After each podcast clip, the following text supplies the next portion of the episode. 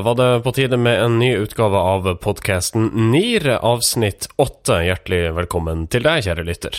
Her i studio sitter Mari Stølen, opprinnelig fra Bodø, og bor nå i eh, Norges hovedstad Oslo. Og sitter her i Studio 2 i Nydalen sammen med mine to venner. Vi begynner eh, her borte. Jeg heter Marius Torkelsen. Eh, Jeg jobber i Spre. Eh, Kommer fra Tønsberg, har bodd litt på det glade Sørlandet, og er også Oslo-beboer nå til dags. Ja. Eh, ja, jeg heter da Sindre Holme, jobber i PR-operatørene. Har bodd mange år i Bergen. eh, er født på Kråkerøy, eh, som ligger borte ved Hvaler der, eh, hvis du kjenner til det. Et sånt sommer, sommersted. Men det er også et Ah, Ikke helt. Nei. Altså, det er jo stedet der Einar Gerhardsen i sin tid holdt en flammende tale mot kommunistene. Eh, altså, det, det er min måte. Altså, dere som er kommunikasjonsrådgivere, dere vet jo umiddelbart hvor det er. For dere har jo vært på sightseeing rundt på alle disse stedene. Jo, jo, men altså, det må jo gå an å gjøre seg litt dum på lytten, lytterens vegne. Ja, det er, det er fullt lovlig. uh, så det glemte jeg egentlig at man eh, skulle gjøre. Gerhardsen var jo en av de store uh, retorikerne som, uh, som, som, som besøkte Kråkerøy.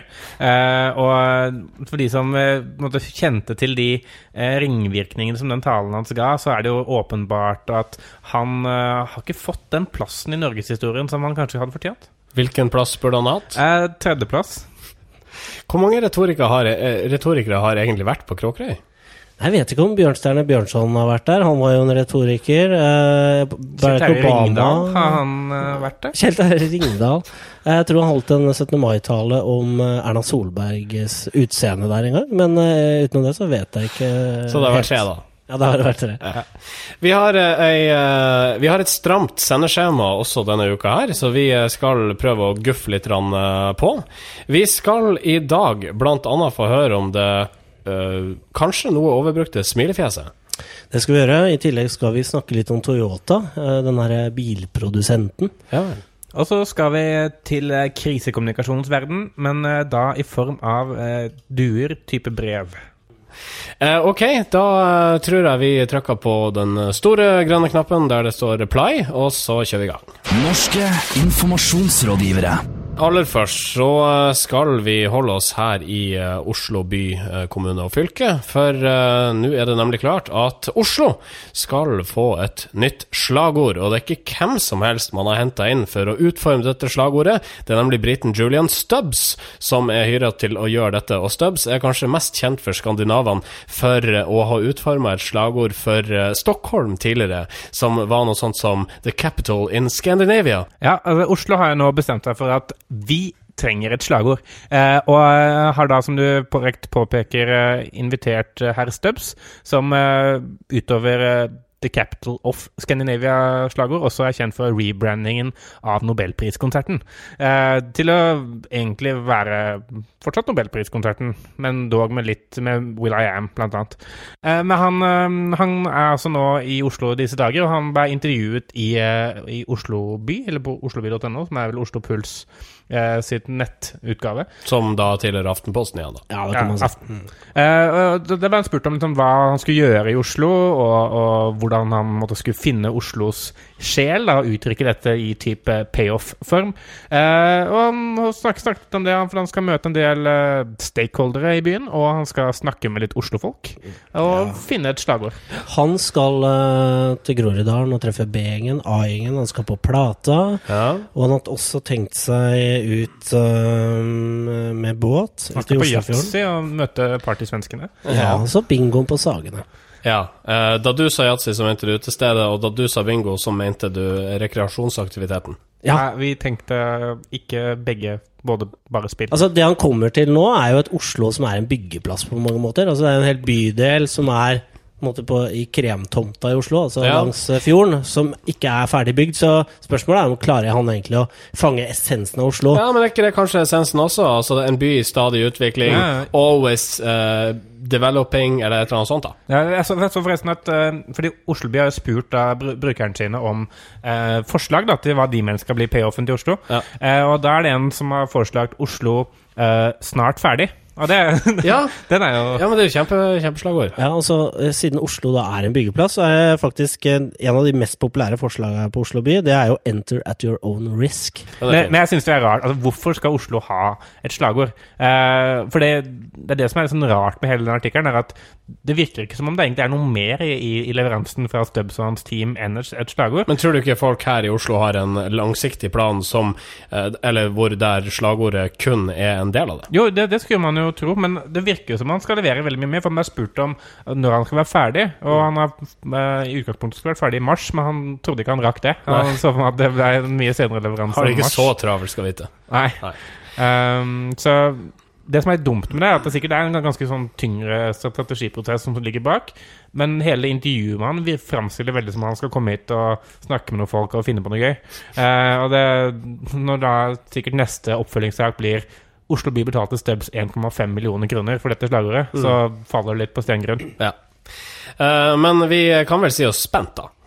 Det kan vi godt si. Altså, det her er jo uh, Spørsmålet er jo ikke om han kommer til å adoptere De Lillos sitt uh, Stakkars Oslo som uh, Så slagord. det skal være altså Oslo. Stakkars Oslo. eh, Oslo. Stakkars. altså, Tommel opp eller tommel ned for Oslos forsøk eh, på å differensiere seg fra de andre storbyene i eh, Skandinavia? tommelen opp. Tommel opp. ja. Ja. Da skal vi bevege oss videre i denne sendinga. Og da skal det dreie seg om eh, bilprodusenten Toyota, som har en ny kampanje om dagen. Og under redaksjonsmøtet tidligere i dag så kom Sindre springende med armene over hodet, nærmest i et sånn kritikkraseri, og du må nesten forklare hvorfor. Ja, nå har jeg roa meg litt ned eh, siden det, så armene er nede, festa eh, rundt eh, mikrofonen her. Men de var ganske si- lenge oppe, da. Ja, veldig lenge oppe. Ja. Men det som, er eh, med, det som har skjedd med Toyota, de er jo, har jo tatt eierskap til hybridsegmentet av biler, altså biler med både bensin og elektrisk motor. Uh, gjennom Prius, som jo er veldig godt kjent blant mange. Uh, nå er de ute med en kampanje hvor, de, hvor de da eh, hvor de skal gjøre, uh, hjelpe folk å forstå hva en hybridbil er for noe, eh, og hvor miljøvennlig det er. Og her har de henta da inn Eksperthjelp. Eh, eksperthjelp. Eh, en eh, lærer og en miljøagent. Altså ba, Miljøagentene. En av de som er med der, som er et, en gutt som er engasjert i miljøet. Og det er jo en kjempebra greie for Toyota. Men spørs det vi er usikre på Du har ikke sagt på hvem han andre var? Nei, han andre er da Håvard Tjora, som folk flest kjenner fra, fra en TV-serie på TV Norge for noen år tilbake som heter Blanke ark, hvor han var en sånn superlærer som hjalp eh, elever som ikke klarte å tilpasse seg på skolen, til å til like å gå på skolen. Og han er lærer på ordentlig også? Han er lærer på ordentlig, og han har også for to år siden ga ut en mattebok som har blitt uh, bejublet. Uh, så han har gjort veldig mye riktig innenfor det han kan best, og det er å være lærer. Men nå skal han plutselig så dukker han opp i en bil der han, eh, en kampanje han skal selge en bil. Ja. Og da lurer vi på eh, Har ikke han nå beveget seg litt for langt unna sin komfortsone, eller det han egentlig burde drive med? Ja, vil du svare på det, Torkils? Jeg tror nok problemet med dette er at nettopp fordi det er han, da. Eh, fordi han er en, sånn, han er en person som er så ikke-kommersiell som det er kanskje mulig å få det. Han er liksom bare sånn flink lærer, dyktig offentlig ansatt, snill mot barn. Eh, vært, han har vært på, på TV Norge, men han har ikke tjent noe penger på det. Eh, og så plutselig så er han i en sånn superkommersiell setning hvor det er helt åpenbart at han har fått betalt for å si det han sier. Eh, og at han måtte låne bort all den goodwillen sin til Toyota. Uh, og jeg tror ikke Hvis det for hadde vært JC som hadde stått der, så tror jeg ikke folk hadde reagert. I hvert fall ikke Sindre. Nei. Eh, men eh, gjør ikke han noe galt her, da? Nei, han gjør ikke det, for han sier jo ikke 'kjøp Toyota'. Han sier bare 'sånn fungerer hybridbiler', og de forurenser mindre enn biler uten noe elektrisitet. Ja, men Kan det skade hans renommé og troverdighet som, som lærer, da? Ja, jeg tror han har trådt over en grense, fordi at uh, det, det er ikke relevant øh, for han i utgangspunktet å snakke om bil. Altså han øh, har Som lærer så, så er han selvfølgelig opptatt av pedagogikk, og det er kanskje eneste fellesnevneren her, at han skal lære bort hva hybridbi- hybridbiler er for noe. Men det er bortsett fra det, så, så, så får jeg en følelse følelse at nå kan egentlig Håvard Tjora egentlig selge hva som helst. Ja. Så neste gang han uh, dukker opp i en Facebook-kampanje, så er det sånn Hei, jeg heter Håvard Tjora, og dette er den nyeste mixmasteren fra Whirlpool. Hei, jeg er Håvard Tjora, og jeg skal lære dere om sukkerfri brus. ja. Hei, jeg heter Håvard Tjora, og skal lære dere forskjellen på giftig og spiselig sopp. Hei, jeg heter Håvard Tjora og skal fortelle at uh, rullings er faktisk litt sunnere enn uh, ferdigsigaretter. Ja, jeg er Håvard Tjora, og jeg skal fortelle at det faktisk er salg på Kid Interiør. ja, ikke sant. Ok, ja, men da, da tror jeg Det er veien vi ser for oss. Da ja, det kommer til å gå. Ja, så det er til stadig forfall, og til slutt så selger han uh, vindu vindusrens og sånn der Exit, sånn der antiluktspray, da. Ja. Tjora-sprayen. Ja. Uh, tommelen opp eller tommelen ned for uh, Tjoras uh, deal med Toyota? Ned. Ned med den. Hvor mye tror dere han fikk betalt for det? Mer enn Anders Cappelen fikk for den PFU-klagen. Norske informasjonsrådgivere. Da skal vi uh, snakke om en uh, fugleart som tidligere ble brukt til å frakte beskjeder rundt omkring i kongeriker. Jeg snakker selvfølgelig om de flyvende rottene, altså brevduene. Og de er plutselig aktuelle også i 2012. Ja, for nå er det um, partikongress, eller den uka vi har lagt bak oss nå. så har det vært partikongress i Kina. Eh, hvor de skal velge nye, viktige menn. Eh, ikke så mange kvinner, tror jeg, i hvert fall.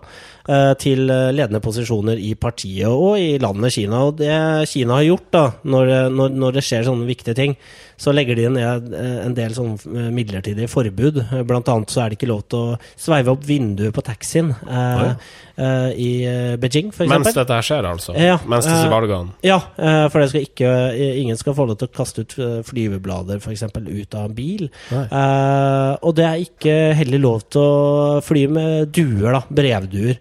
Uh, og det, det, er litt pussig at det blir sett på som en trussel, når vi tenker på brevduer som en mer sånn der, litt uh, odd sport her hjemme. Ja. Uh, hvor litt sånn kaffedrikkende pensjonister som holder på med.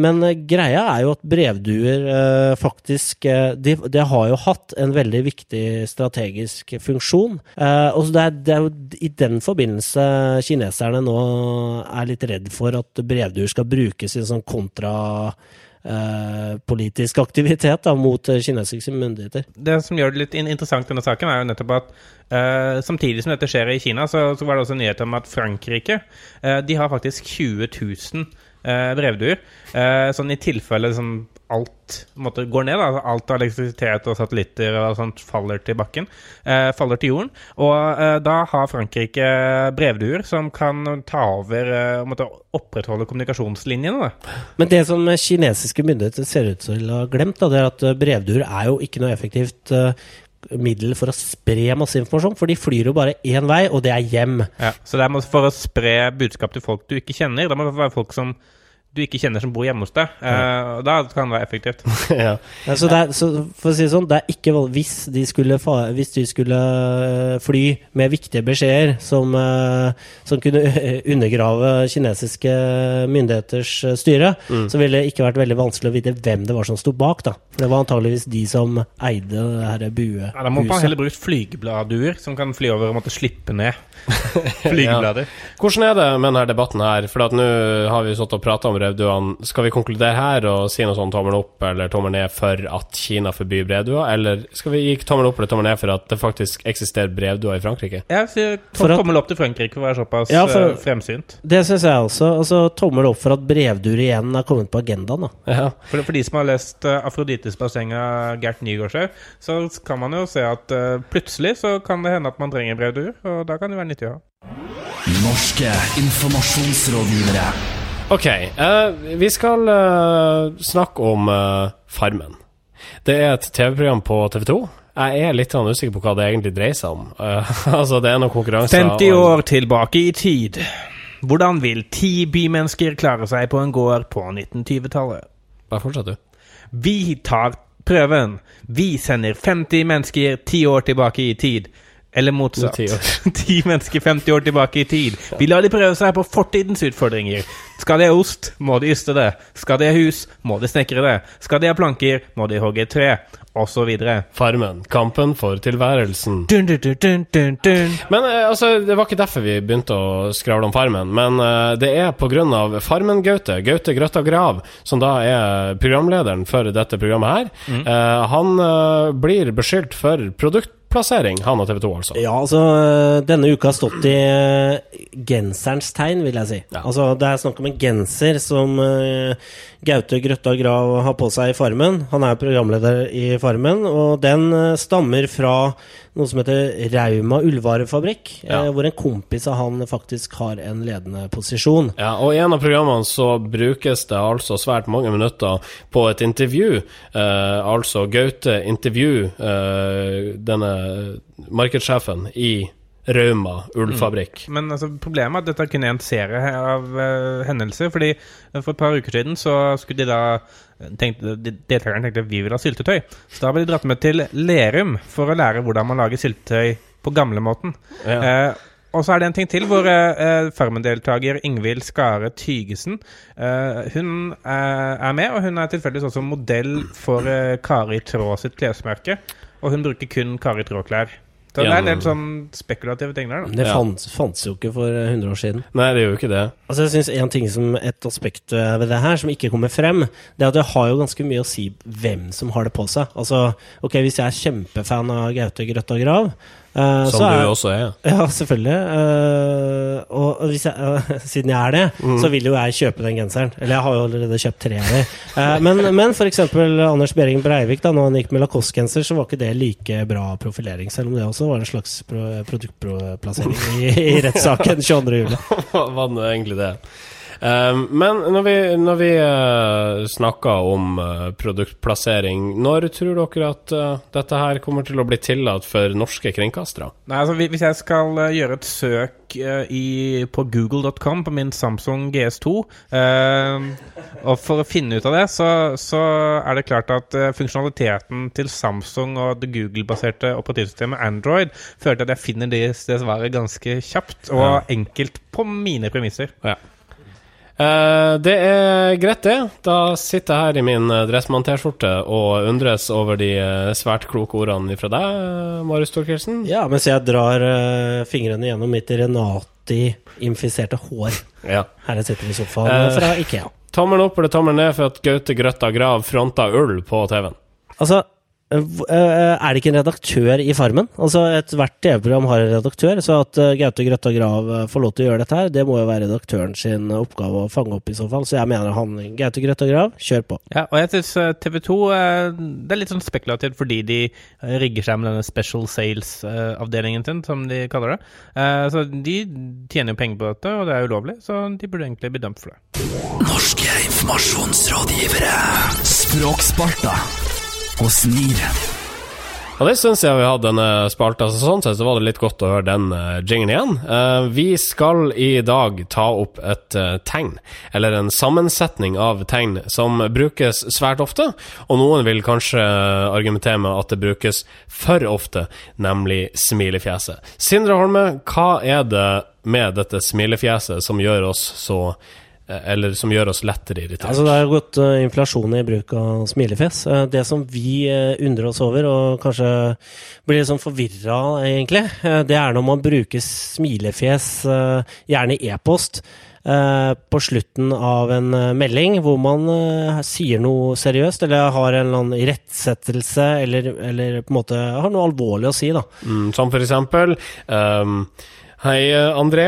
Ehm, som din sjef må jeg påpeke at du kom litt eh, sent på jobb nå for fjerde gang eh, mandag i forrige uke. Dette må opphøre, hvis ikke må jeg nesten kalle deg inn på kontoret. Smilefjes.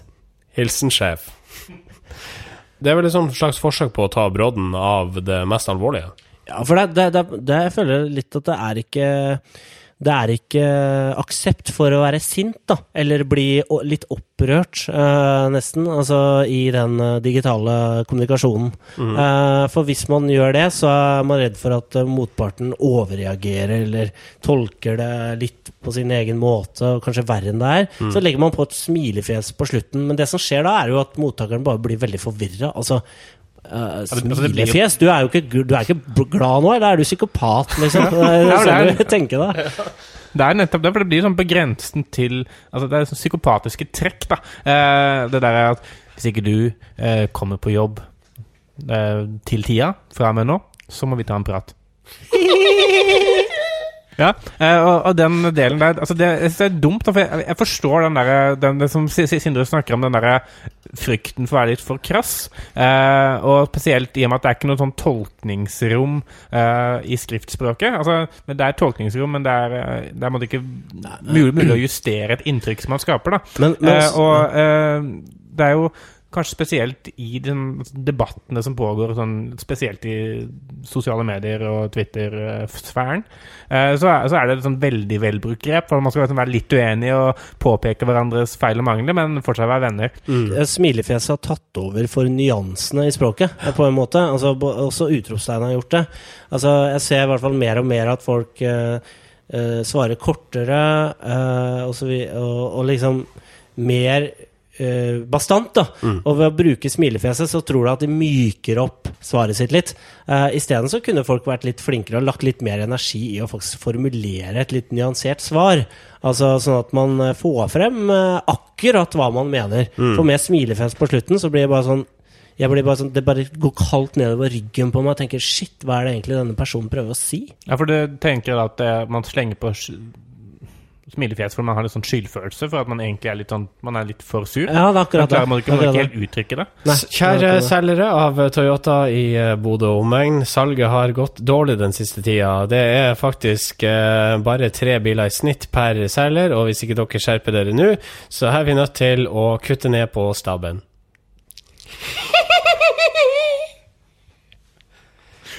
Det er sånn det blir. Ja, det er akkurat sånn det blir. Du har jo et uh, annet eksempel her, uh, Ja, jeg har et eh, såkalt uh, ferskt eksempel. Uh, det er fra um, Facebook-siden til Netflix Norge. Først vil jeg bare sette stemningen. Uh, I går, eh, 11.27, så postet Netflix en eh, post om uh, den kritikerroste mm, Ta det ordet en gang til, du.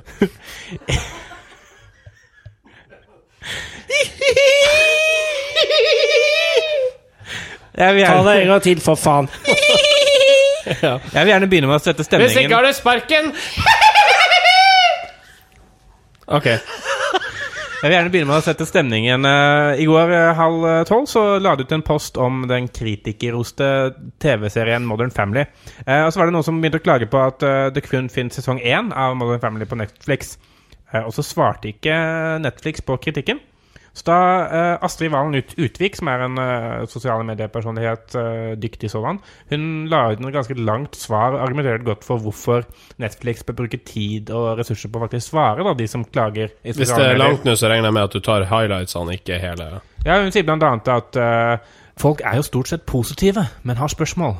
Og det burde være en enkel sak for byrået å forklare Netflix viktigheten av at de får bruke noen timer i uken på å overvåke og svare på spørsmål som folk har. Og Det er et ganske godt og velformulert innlegg. innlegg. Men så avslutter hun med Det er nå min mening. altså, det er et smilefjes. Ja, spiller. Det ødelegger liksom altså, hele alt, alt av eh, substans og velformulasjon som ligger i dette innlegget, det blir borte i Ja. smilefjeset. Godt formulert, saklig argumentasjon, og ødelegge alt med en Ja, og så er man redd for å støte noen, så Mm. eh, tar man en smilefjes på slutten. Så dette er ikke bare en språkspalte, men det er også nesten en sånn slutt med det-spalte. Og oppfordringen er slutt å bruke disse Og mens vi er inne på smilefjes, så vil jeg gjerne eh, en direkte oppfordring til eh, Cecilie Støde. At hun gjerne kan slutte med smilefjes feil vei med nese. Norske informasjonsrådgivere.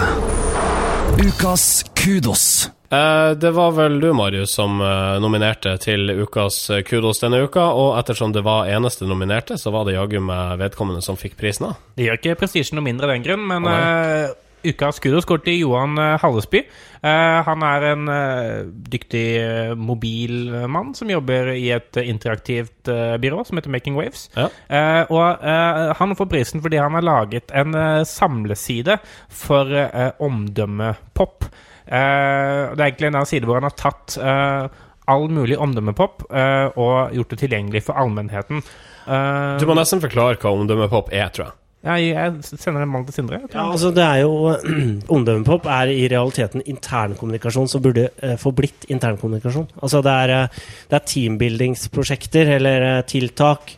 eh, ansatte i en bedrift som synger en sang og lager musikkvideo uh, så videre og legger det ut på nett, det, eh, som de selvfølgelig ikke skulle ha gjort. For det er omdømmeskadende pop, pop, vil jeg heller si da. Ja, for det, dette har vi sett eh, en del eksempler på, og uh, det er jo nesten pute-TV, enkelte av disse Det er, bidragene. det er utelukkende pinlig. Og uh, altså, I tillegg til at det er en sang, så er det ofte en, måte, en remake da, av en, en uh, hit. Ja. Eh, og nå er det jo Gang Gang Style eh, remakes som, eh, som eh, dukker opp på alle bauger og kanter.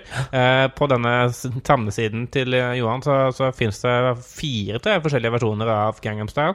Deriblant det som omdømmeprosjektet oppe i Bodø har Ja, ja, de eh, har laget en seg. eh, sånn Med eldre. gamlingversjon Ja. av Gangnam Style. Gamly style. Det som er interess for så vidt interessant med den sjangeren, da, det er at du som seer blir sittende og lure på skal egentlig dette ut.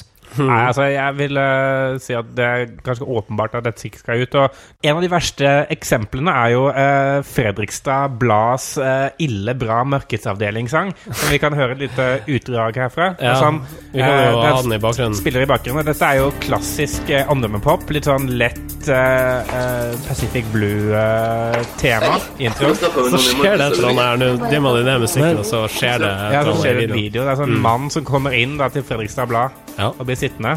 Hvor beskrivende skal vi være? Han har lite hår, han setter seg ned og leser avisa. Ja. Og han skal tydeligvis på, på besøk, da. Ja, og les Han er en av de få som Oi, Oi. nå skjer det noe. Nå Oi, kommer oi, der var det noe rart som skjedde, ja. Han ser veldig overraska ut. Vi bor i sus og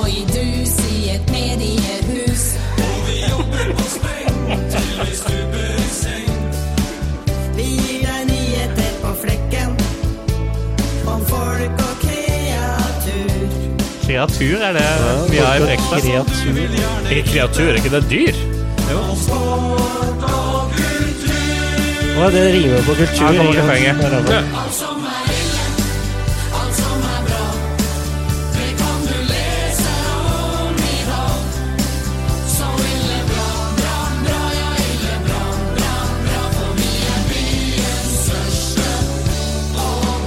Hjertelig tusen takk til Fredrikstad Blad. Jeg tror vi bryter av. Ja.